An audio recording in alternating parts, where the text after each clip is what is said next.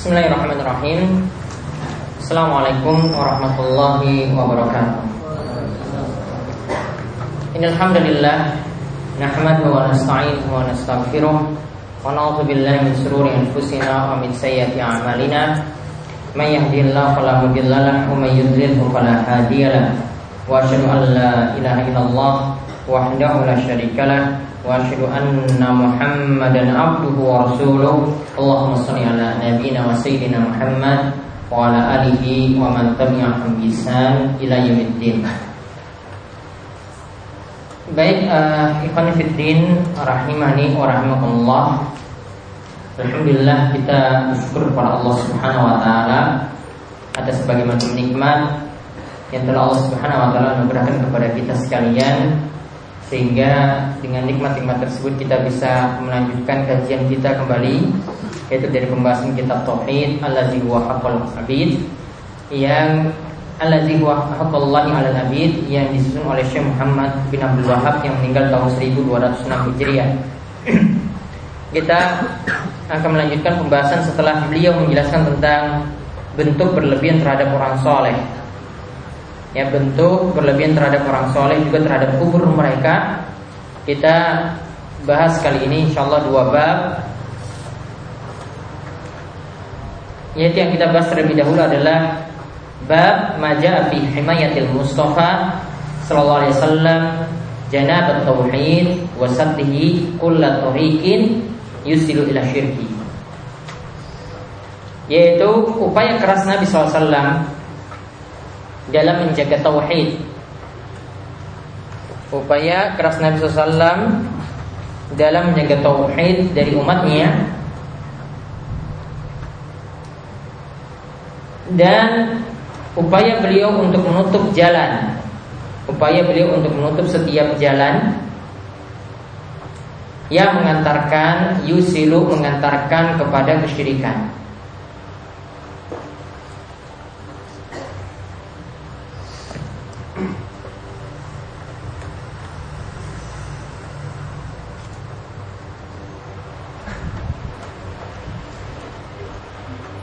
Jadi di bab kali ini setelah menyebutkan bab-bab sebelumnya Di bab ini dijelaskan bagaimana perhatian khusus Nabi Shallallahu Alaihi Wasallam terhadap umatnya supaya tauhid mereka itu terjaga dan segala jalan menuju kesyirikan juga tertutupi. Maka beliau sengaja mengangkat dalam bab ini kita lihat nanti ada sekitar tiga dalil, ya ada tiga dalil yang beliau bawakan di sini. Kita lihat saja dari dalil tersebut. Yang pertama adalah beliau bawakan firman Allah Subhanahu wa taala dalam surat At-Taubah ayat ke-128.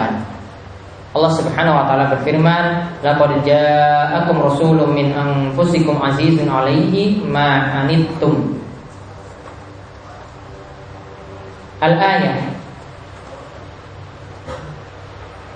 Yaitu Allah Subhanahu wa taala berfirman telah datang kepada kalian seorang rasul min anfusikum. Ya maksudnya adalah min jinsikum wa bilugatikum. Yang telah datang seorang rasul dari jenis kalian sendiri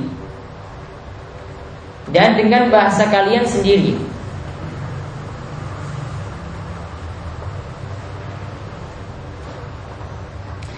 Azizun alaihi ma'anitum Terasa berat baginya penderitaan kalian.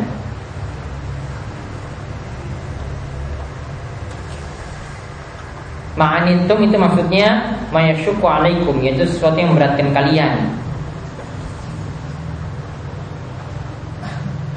Yaitu yang memberatkan di sini adalah Dikatakan oleh Syekh Salih Al-Fauzan Kekafiran juga di dalamnya itu ada kesesatan.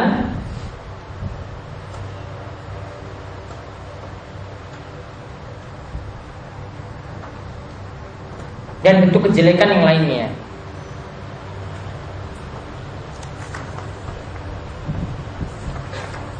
Kemudian dikatakan dalam ayat selanjutnya dalam lanjutan ayat ini harisun alaikum. Bil mu'minina raufur rahim. Itu Rasul sangat semangat memberi petunjuk kepada kalian dan beliau begitu penyayang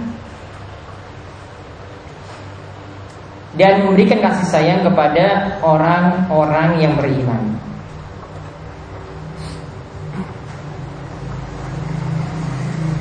Jadi di antara maksud ayat ini yang dimaksudkan dengan ayat ini adalah bahwasanya Nabi SAW karena beliau itu tidak tega melihat umatnya itu berada dalam kesusahan yaitu berada dalam kekufuran berada dalam kesyirikan maka beliau memperingatkan umatnya dari syirik di mana syirik ini adalah a'zamu sebesar besarnya dosa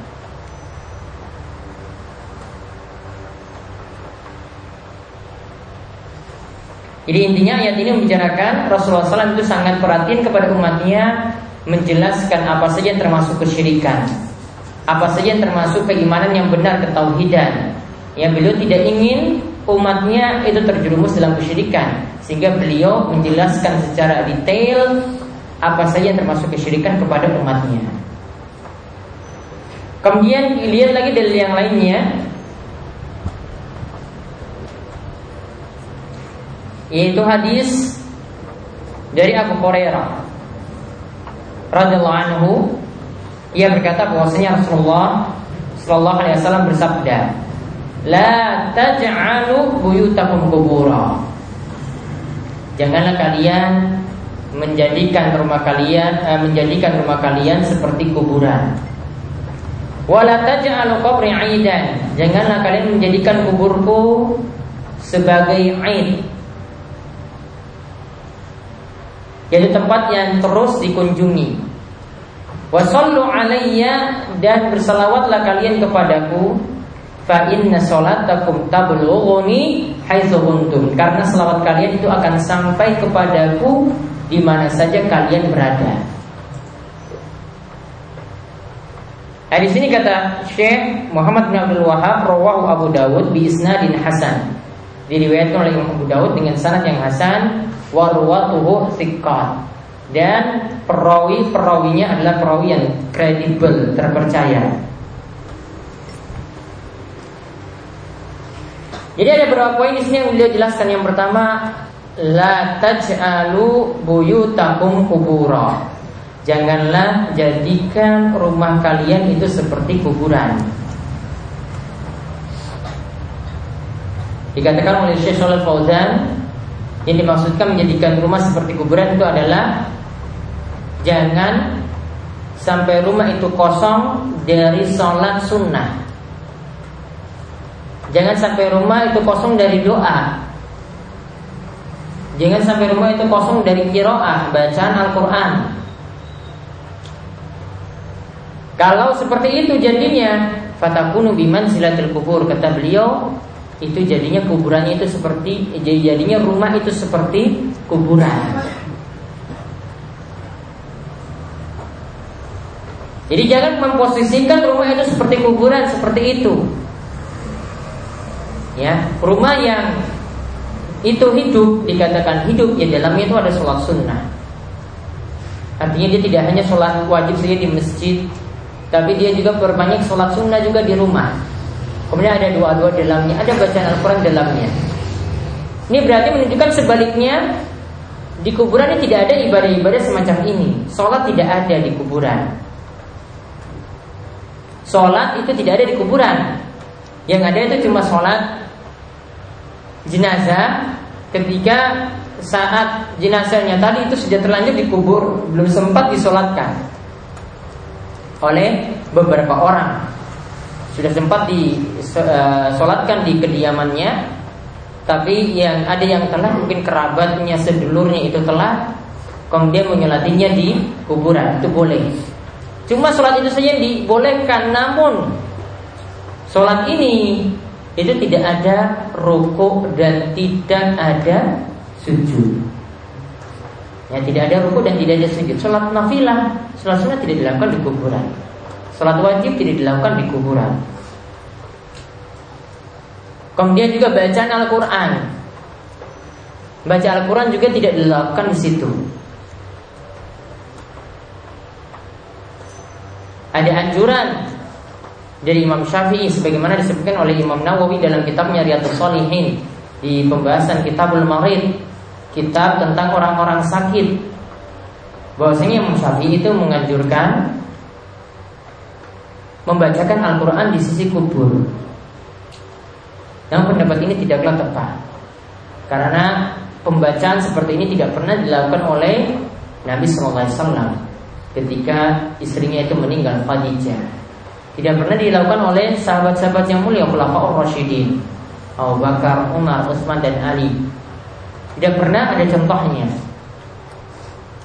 Yang ada tadi cuma anjuran dari para ulama namun pendapat tersebut adalah pendapat yang lemah, tidak dibangun di atas dalil yang sahih.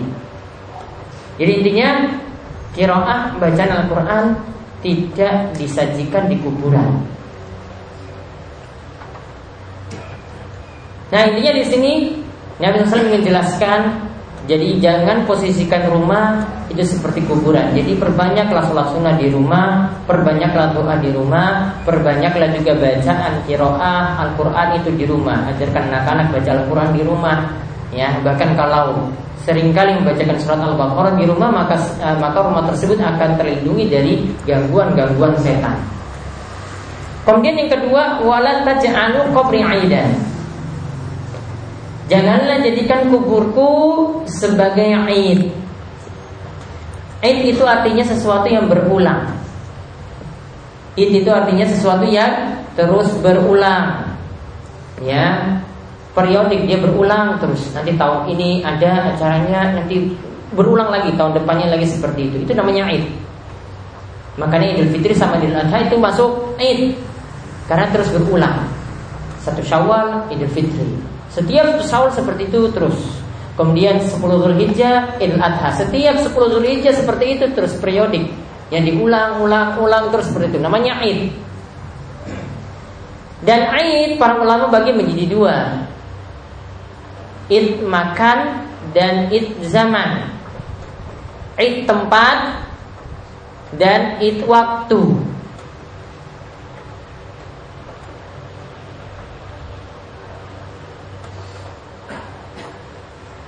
Nah, untuk hadis ini wala taj'al taj'alu qabri 'aidan janganlah jadikan kuburku sebagai 'aid. Itu maksudnya yang pertama. Jadi janganlah jadikan kuburku tempat yang terus berulang dikunjungi. Yang terus menerus dikunjungi. Jangan. Itu 'aidnya bermakna tempat. Jangan jadikan kuburku tempat yang terus dikunjungi terus Maksudnya kubur Nabi SAW itu kan berada di Masjid Nabawi. Jadi kadang se sebagian orang keyakinannya atau anggapannya selesai sholat lima waktu datang lagi ke kubur Nabi. Ya, kemudian nanti habis sholat zuhur datang, habis asar datang lagi ke kubur Nabi. Ya, habis maghrib datang lagi ke kubur Nabi, habis isya datang lagi ke kubur Nabi. Berulang-ulang terus seperti itu ke tempat tadi. Ini terlarang berdasarkan hadis ini. Para sahabat praktekkan mereka ketika datang dari safar cuma langsung menyapa kubur Nabi SAW memberikan salam sudah tidak dilakukan berulang-ulang seperti itu. Kemudian makna yang kedua wala taj'alu dan itu bermakna zaman, waktu.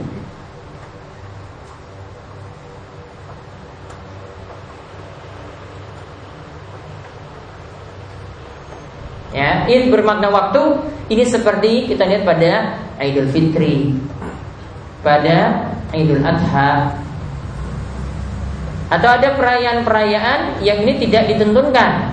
Berulang terus, ya berulang terus. Setiap tahunnya tidak ditentukan dalam Islam. Badan Islam itu cuma menetapkan adanya dua hari raya saja. Setelah sebelumnya itu ada perayaan perayaan jahiliyah Artinya selain dua perayaan ini berarti masih tetap menganut perayaan jahiliyah. Ya, ada namanya hari kasih sayang ya, saat ini. Ya, ada namanya ya hari ibu. Hari bapak juga sudah ada ya? Sudah. Bapaknya yang ngomong anaknya. Waktu khusus untuk bapak ngomong anak dan bawa ke posyandu.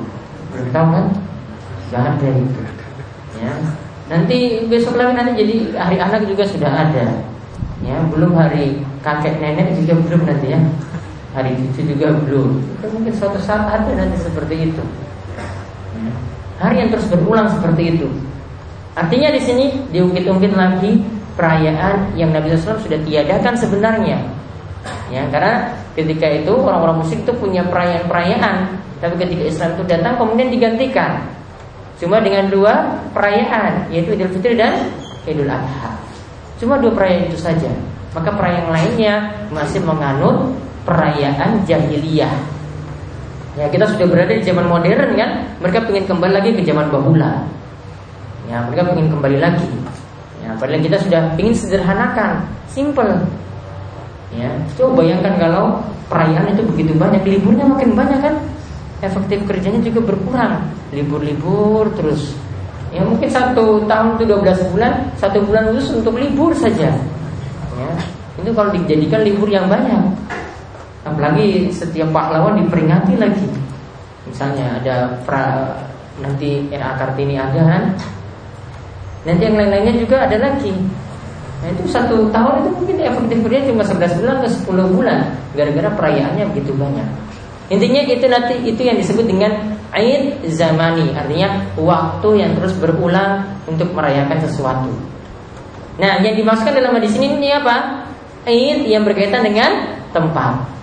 Sama. Kalau ada sebagian kubur dijadikan seperti ini kubur Nabi SAW tidak boleh jadikan kubur yang terus berulang dikunjungi seperti itu. Sebagian kubur wali dijadikan seperti ini. Artinya pada masa haulnya Ketika sudah datang haul satu tahun berulang, kuburnya dikunjungi lagi. Ini haulnya kiai ini. Nanti tahun depan lagi berulang lagi, dikunjungi lagi. Sama seperti ini larangannya. Kalau kubur Nabi SAW tidak boleh dijadikan sebagai id, maka termasuk juga kubur-kubur yang lainnya. Kubur-kubur yang wali yang lainnya tidak boleh dijadikan seperti id semacam itu. Kemudian yang ketiga, Nabi SAW katakan di sini tentang sholawat wasallu alayya bersalawat kepadaku ya fa inna salatakum karena salawat kalian itu akan sampai kepadaku di mana saja kalian itu berada. Sebagian kata Syekhul Islam Ibnu Taimiyah, kalian itu berada di Madinah dan ada orang yang berada di Andalus di Spanyol sana, tetap salawatnya sampainya sama kepada Nabi Shallallahu Alaihi Wasallam. Ya, tempatnya di mana pun tetap akan nyampe Tempatnya di mana pun di Andalus, Spanyol, ya tetap akan nyampe kepada Nabi Shallallahu Alaihi Wasallam. Jadi kurang tepat misalnya kalau ada yang ya ada yang pergi umroh atau berhaji kemudian titip salam ya untuk Nabi. Ya titip salam untuk Nabi sampai ke kubur Nabi tolong titip salam saya untuk Nabi.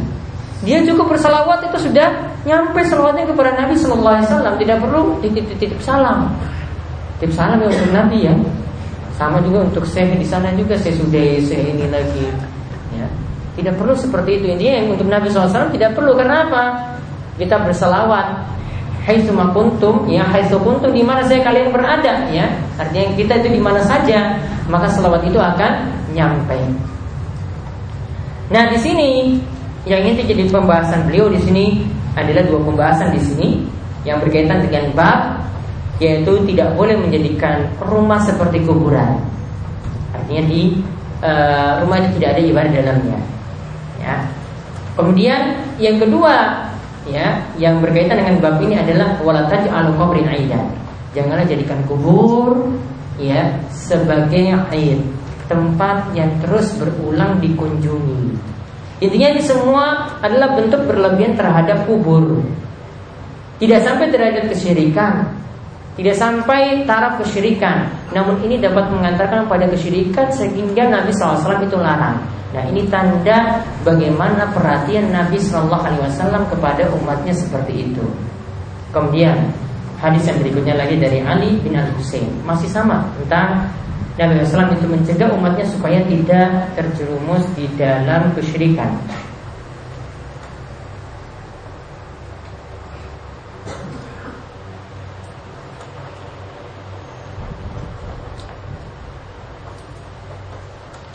Nah dari Ali bin Al Husain, Ali bin Al Husain ini adalah jadi cucu Nabi SAW Husain, Husain bin Ali. Punya anak lagi namanya Ali. Berarti cicitnya, cicit Nabi SAW. Ya. Ali bin Al Husain atau ini dikenal dengan Zainal Abidin. Ya, nama lainnya adalah Zainal Abidin.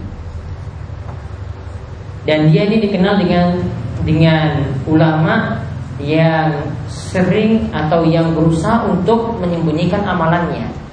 Dia punya amalan sodakoh setiap malamnya berupa gandum yang dia ditaruh di rumah-rumah kaum muslimin saat itu Selama dia hidup tidak ada satupun yang tahu bahwasanya gandum-gandum yang ada setiap malamnya itu dari Zainal Abidin. Dia memikulnya sendiri, ya di punggungnya gandum-gandum itu ditaruh. Kemudian dibawa ke rumah-rumah kaum muslimin dibagi-bagi kepada orang yang butuh. Ketika stoknya itu berhenti saat beliau itu meninggal dunia. Ketahuan stoknya berhenti, kemudian nampak pada punggung beliau bekas mikul gandum. Ya, selama hidup itu tidak ketahuan. Baru setelah meninggal dunia, ya dan stoknya itu berhenti, nggak ada lagi yang kasih kasih ke rumah. Baru orang-orang tahu, oh, ternyata yang kasih selama ini tuh Ali bin Al Husain, Zainal Abidin yang biasa beri. Lihat seumur hidupnya amalan tersebut dia berusaha sembunyikan, tidak ketahuan sama sekali. Nah Ali bin Abi Husain di sini annahu rajulan. Dia pernah melihat seseorang ya jiu ila. Ketika itu orang ini datang ke suatu lubang kanat inda qabri Nabi SAW dan lubang itu ada di sisi kubur Nabi SAW. Kubur itu berada di uh, lubang itu ya furja lubang itu berada di sisi kubur Nabi SAW. Fayadkhulu fiha fayad'u orang ini sengaja masuk di lubang tersebut kemudian berdoa di kubur Nabi. Ya, berdoa di kubur Nabi Shallallahu alaihi wasallam. Ini bisa jadi dia ngadap kubur langsung, bisa jadi ya dia ngadap kiblat. Tapi intinya orang ini lebih menganggap afdolnya berdoa di sisi kubur, kubur Nabi Shallallahu alaihi wasallam. Namun ingat ya para ulama itu katakan bahwasanya untuk kubur Nabi Shallallahu Alaihi Wasallam ya kalau berdoa jangan menghadap ke kubur beliau. Untuk kubur Nabi SAW karena kubur Nabi SAW itu berlawanan dengan arah kiblat. Ya, kalau kita berada di sisi depan kubur, yang kiblat itu ke arah selatan, kubur itu di arah utara. Jadi berlawanan. Jadi kalau orang berdoa itu ketahuan dia ada ke kubur Nabi Wasallam. Para ulama katakan jangan berhenti lama di kubur, langsung jalan. Ya, artinya jangan diam-diam lama di situ, apalagi sampai berdoa. Sudah jalan seberi salam sudah, setelah itu lewat. Ya, salam kepada kuburnya Nabi SAW, salam kepada kuburnya Abu Bakar, salam kepada kuburnya Umar. Itu berturut-turut. Ya, kubur Nabi, kemudian kuburnya Abu Bakar, kemudian kuburnya Umar. Dan setelah itu keluar ke, ke keluar dari Masjid Nabawi dan langsung menuju ke kubur Baqi. Artinya di situ terdapat larangan ngadap ke kubur Nabi SAW langsung ketika berdoa. Ulama mazhab itu mengatakan jangan seperti itu. Karena nanti perasaannya orang ketika berdoa saat itu perasaannya itu lebih uh, lebih tinggi atau lebih utama berdoa menghadap seperti itu atau lebih utama berdoa di sisi kubur Nabi SAW daripada tempat yang lainnya. Ini yang masalah. Ya nanti ada bentuk-bentuk lagi yang lainnya lagi Yang ini dapat mengantarkan intinya Larangan itu ada karena dapat menjerumuskan ke dalam uh, keharaman yang lebih parah yaitu kesyirikan Maka ketika Ali bin Al-Husain ada orang tersebut berdoa di lubang tadi Dia masuk ke dalam lubang tersebut kemudian dia berdoa Artinya dia berdoa di sisi kubur Nabi Shallallahu Alaihi Wasallam Fanaharu Maka Ali bin Al-Husain itu melarangnya Kemudian dia mengatakan ala uhadditsukum hadisan sami'tuhu min abi. Maukah aku beritahu kepadamu kepada kalian suatu hadis yang aku mendengarnya dari bapakku. Bapaknya siapa? Husain. Ya, dan mendengar dari anjadi dari kakekku. Disampaikan dari kakekku. Kakeknya siapa? Ali bin Abi Thalib. an Rasulullah SAW dari Ali bin Abi Thalib dari Rasulullah SAW. Apa isinya? Ya, la tattakhidhu qabri aidan. Janganlah jadikan kuburku sebagai aid. Jadi artinya apa? Tempat yang terus terus menerus dikunjungi. Wala buyutakum kubura. Janganlah jadikan rumah kalian seperti kuburan. Karena di kuburan tidak ada ibadah-ibadah khusus. Fa'in uh, fa'inna taslimakum yablughuni aina kuntum. Ya, kemudian bersalawatlah kepadaku ya karena salam kalian atau salawat kalian itu akan nyampe kepadaku aina kuntum di mana saja kalian itu berada. Lihat, maka ini berisi tiga hal tadi yang sudah disampaikan tadi pada hadis Abu Hurairah. Namun dalam riwayat ini, ini disampaikan dari Ali bin Abi Thalib.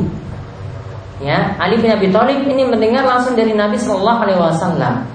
Isi hadisnya adalah janganlah jadikan kuburku sebagai janganlah jadikan rumah sebagai ya, jadikan janganlah jadikan rumah seperti kuburan.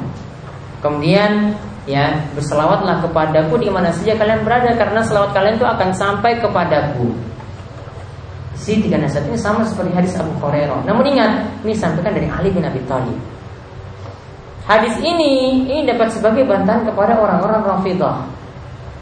Karena mereka yang pertama kali orang-orang Syiah, orang-orang Rafidah ini orang-orang yang pertama kali berlebih-lebihan terhadap kubur. Biar kubur-kubur orang soleh yang ada di tengah-tengah mereka dilebih-lebihkan, didirikan bangunan, nganggap doa lebih afdol di situ. Bahkan ada yang sampai sujud di atas kuburan wali-wali mereka. Nabi SAW tidak menginginkan seperti itu. Ali bin Abi Thalib menyampaikan hadis ini dari Nabi Shallallahu Alaihi Wasallam. Berarti ini sebagai bantahan yang telak bagi orang-orang Syiah Rafidah. Sifat mereka seperti itu. Bantahan dari ya panutan mereka sendiri itu Ali bin Abi Thalib. Intinya di sini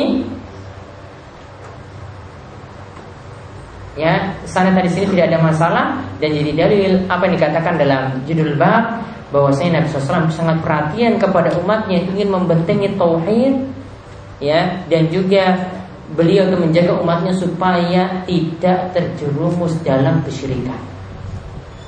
Dari tiga Dalil di atas maka beliau sampaikan masail faidah-faidah yang pertama tafsir dari surat Al-Baraah yaitu surat At-Taubah ayat 128.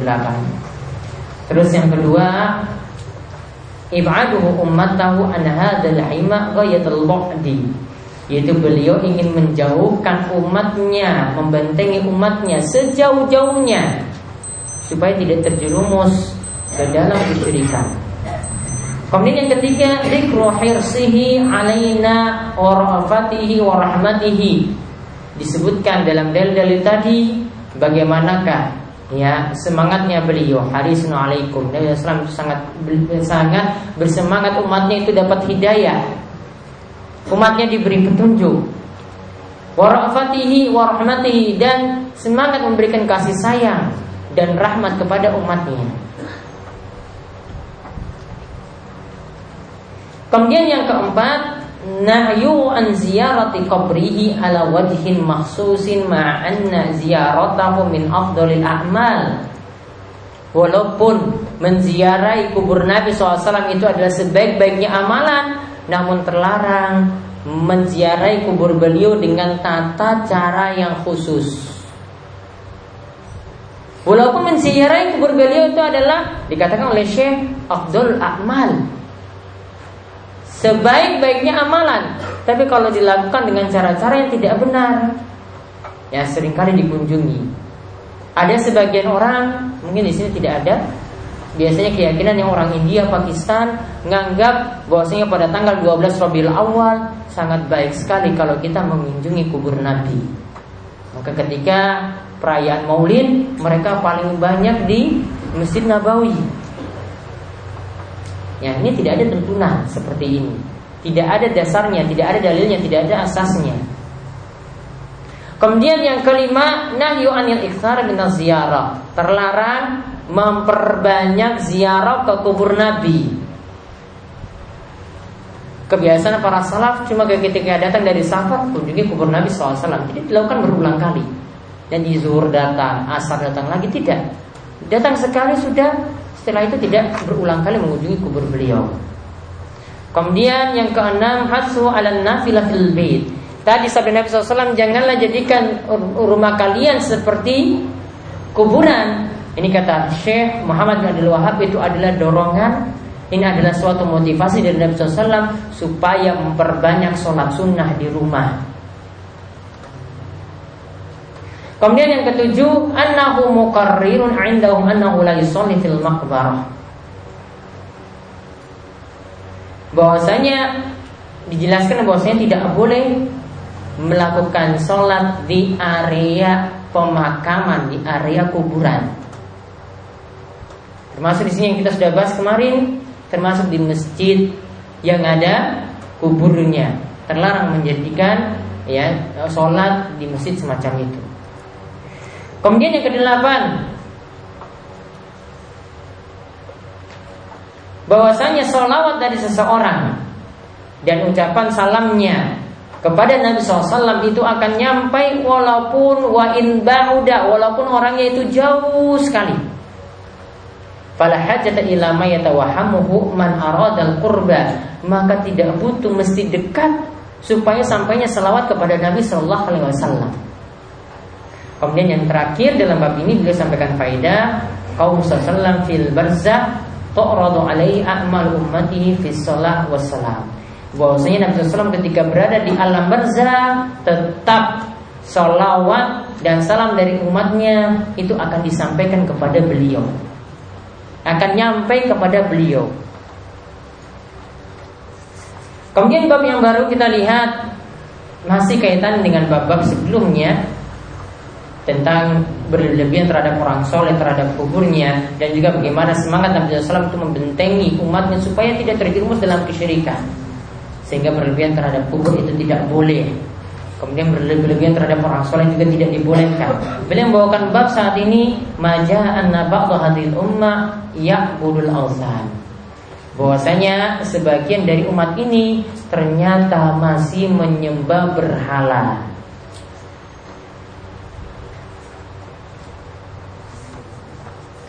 Artinya syirik itu masih ada di umat ini. Beliau ingin jelaskan syirik itu masih ada. Jadi kalau ada yang mengatakan bahwasanya umat ini sekarang sudah selamat dari kesyirikan, itu keliru. Jadi beliau ingin jelaskan bahwasanya umat ini masih ada ya di tengah-tengah mereka di umat Islam ini masih ada di tengah-tengah mereka kesyirikan. Bahkan ini masih nyata kita lihat Jadi kalau ada ahli kubur yang mengatakan layak fi ummah Muhammadiyah syirkun Ya, kalau ada yang mengatakan bahwasanya tidak akan terjadi pada umat umat Muhammad itu kesyirikan, itu keliru.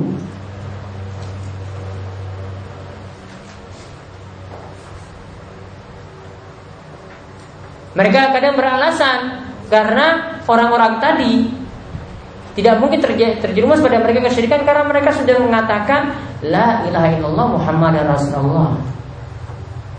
Padahal tidak demikian. Kita sudah eh, sudah melihat tentang bantahan masalah ini dalam kitab Syubhat yang kemarin kita bahas. Ya bosnya klaim seperti ini tidak benar. Kesyirikan masih tetap terjadi. Ya bahkan banyak yang cuma melampaskan la ilaha illallah tetapi tidak meyakini dalam hati dan mereka masih berbuat kesyirikan. Nah, di sini beliau buktikan dengan dalil-dalil. Yang pertama, ya di sini intinya beliau bawa lima dalil, tiga ayat Al-Quran, dua dari hadis Nabi SAW. Yaitu yang pertama firman Allah Subhanahu wa taala, "Alam tara ilal ladzina utun nasiban minal kitab yu'minuna bil jibti wat tagut." Itu dalam surat An-Nisa ayat ke-51. Tidakkah engkau tuh melihat kepada orang-orang yang diberi nasibam minal kitab bagian dari Alkitab. Mereka itu masih beriman terhadap jibti wa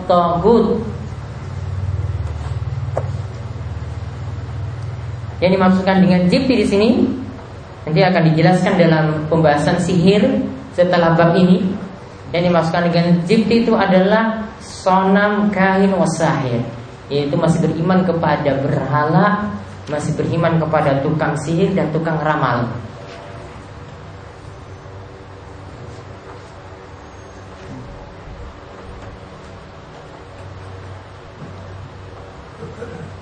Sedangkan togut itu seperti kita pernah melihat di dalam kitab salah satu usul. Yang sudah kita bahas dalam kitab salah satu usul. Kullu man tajawaza bil abdu min ma'budin au matbu'in au muta'in. Yaitu segala sesuatu yang di mana hamba itu melampaui batas. Baik itu sesuatu tersebut adalah sesuatu yang disembah.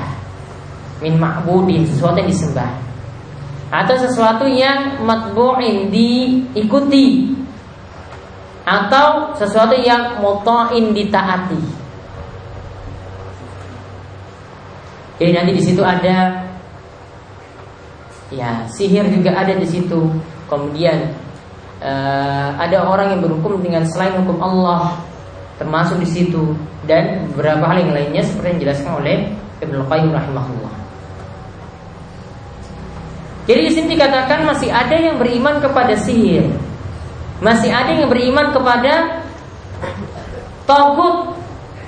Ya, masih ada yang beriman seperti itu.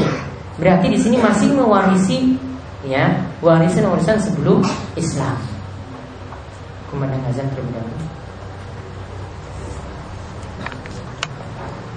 Jadi intinya ayat tadi surat An-Nisa ayat 51 ingin menjelaskan bahwasanya nanti pada umat ini atau masih ada tengah-tengah umat ini yang mempercayai ya jipti tadi tukang sihir, tukang ramal ya dan juga ada yang masih beriman kepada tohul.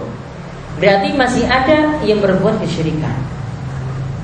Kemudian dalil yang kedua, beliau bawakan kul hal unabbiukum bisyarrin min dzalika matsubatan indallah. Man la'anahu wa ghadiba alaihi wa ja'ala minhumul qiradata wal khanazir wa 'abadat taghut. Itu dalam surat Al-Maidah ayat 60.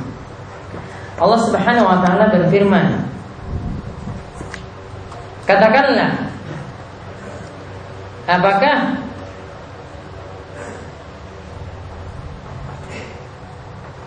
Aku mau memberitahu Bisyar min dzalika Orang yang balasannya lebih buruk Yang maksubatan indallah orang yang balasannya lebih buruk di sisi Allah. Malla anak Allah di mana ia adalah orang yang Allah melaknatnya. Wa alaihi dan Allah itu murkai. Wa ja'ala minhumul qiradatal wal dan Allah akan menjadikan di antara mereka dijadikan kera. Dijadikan khanazir ya babi wa abadat dan menjadi penyembah tagut, penyembah berhala. Penyembah tagut. Maka dalam ayat ini juga surat Al-Maidah ayat 60 ingin ditunjukkan juga bahwasanya ada di antara umat ini yang dimurkai oleh Allah gara-gara masih menyembah tagut. Gara-gara masih mengagung-agungkan tagut berarti kesyirikan itu masih ada di tengah-tengah umat ini. Jadi kalau ada yang mengatakan bahwasanya umat Muhammad tidak mungkin lagi berbuat kesyirikan karena mereka mengatakan la ilallah itu bohong. Kemudian ayat yang ketiga atau dalil ketiga yaitu firman Allah Subhanahu wa taala dalam surat Al-Kahfi. Ayat ke-21. Qal ladzina ghalafu ala amrihim lanattakhidanna 'alaihim masjidah. Yaitu ia berkata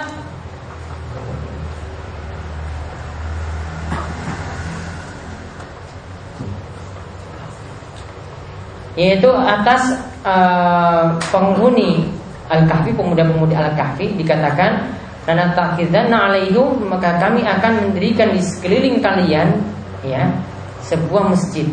Ghalaqu ala amrihim ya yang di mana mereka tatkala itu menguasai mereka ya lanatakizanna alaihim masjidah akan menjadikan di tempat mungkinnya orang-orang pemuda-pemuda al-kahfi tersebut ya mendirikan di atasnya itu masjid.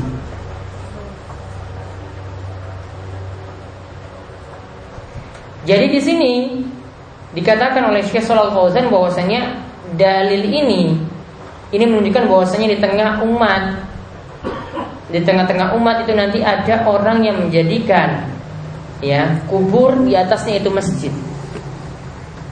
Kubur di atasnya masjid sebagaimana dilakukan oleh sebelum orang-orang sebelum kita. Berarti kalau dia menjadikan seperti ini, berarti intinya kesyirikan itu masih terjadi ya di tengah-tengah umat Islam. Karena awal mulanya dari situ walaupun dia menyembah Allah Subhanahu wa taala seperti yang kita bahas kemarin, namun perlahan-lahan nanti akan ada ibadah yang berlebihan di dalamnya. Ketika ada kubur dan masjid itu bersatu di situ. Ya, maka seperti ini juga terlarang. Jadi tiga ayat ini intinya menunjukkan secara nyata bahwasanya ada di tengah-tengah umat yang masih menyembah kubur, masih menyembah berhala dan seterusnya. Kemudian satu hadis lagi kita baca yaitu hadis dari Abu Said Al Khudri radhiyallahu anhu bahwasanya Rasulullah SAW itu bersabda, "La tattabi'unna sanana man kana qablakum." Sungguh ya kalian itu akan mengikuti ajaran orang-orang sebelum kalian.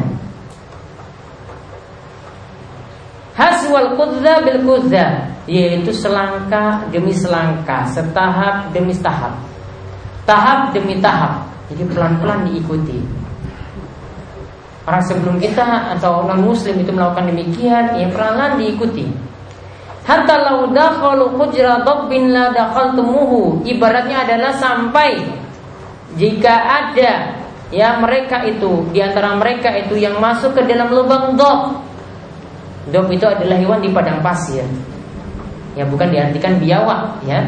Pokoknya ini hewan di padang pasir yang sifatnya kalau dia masuk di lubang, lubangnya itu biasa dia buat zigzag ya jadi sulit sebenarnya diikuti namun di sini Nabi SAW itu gambarkan kita bisa mengikuti jejak-jejak umat sebelum kita itu walaupun sulitnya tadi seperti dog yang membuat lubang zigzag tadi tetap terus diikuti la temuhu maka kalian tetap akan mengikutinya walaupun tetap sulit ya, kalau gayanya tidak seperti itu ya gaul Tetap diikuti walaupun caranya itu mahal.